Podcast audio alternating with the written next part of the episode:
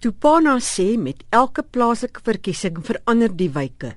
Die aantal raadslede en wyke word bepaal deur die aantal geregistreerde kiesers in die gebied. In an area that doesn't change, geographically the space remains the same, but new wards are added. And if I may give an example, in, in the city of Johannesburg, in the previous election, there were 100 wards, and now there are new five wards that have to be added, meaning that there will be 105 wards. The new wards have to be crafted within the same space. So you have to tamper with the existing ward boundaries in order to accommodate five new wards. Sy beklemtoon dat 'n baie deursigtige proses reeds sedert 2014 begin is om die wyke af te baken.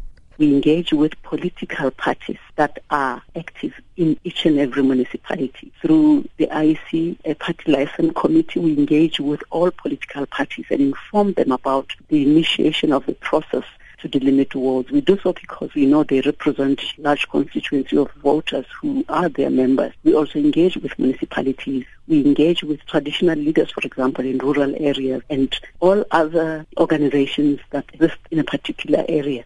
Daarna word openbare vergaderings gehou oor die kriteria wat toegepas word.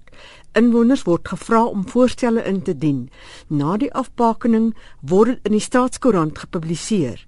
Die publiek kry dan 14 dae om besware aan te teken en ander insette te lewer binne die kriteria van die wet. Die finale afbakening van wyke is reeds aan die einde van 2015 ingehandig.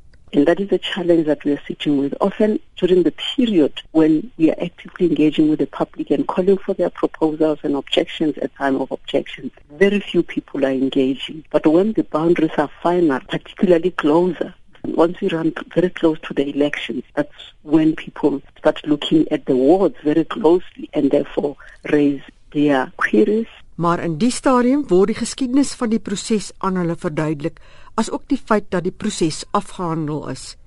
Jane Tupana beklemtoon dat die wet nou geset gevolg word. And unfortunately, as a board, we don't deal with political issues. When we configure wards, we follow precisely the criteria. We don't look into where one party has a constituency where another party doesn't have and whether when the ward shifts it will disadvantage one party. We look precisely at the criteria. The very political party and members, they are called upon as stakeholders and as ordinary members of the public to engage with the process. And uh, as I said, often during that period when we even call for objections, they don't register any objections and we end up finalizing the war. Dit was die voorsitter van die afbakeningsraad, Jane Tupana, Mitsi van der Merwe, SABC nuus.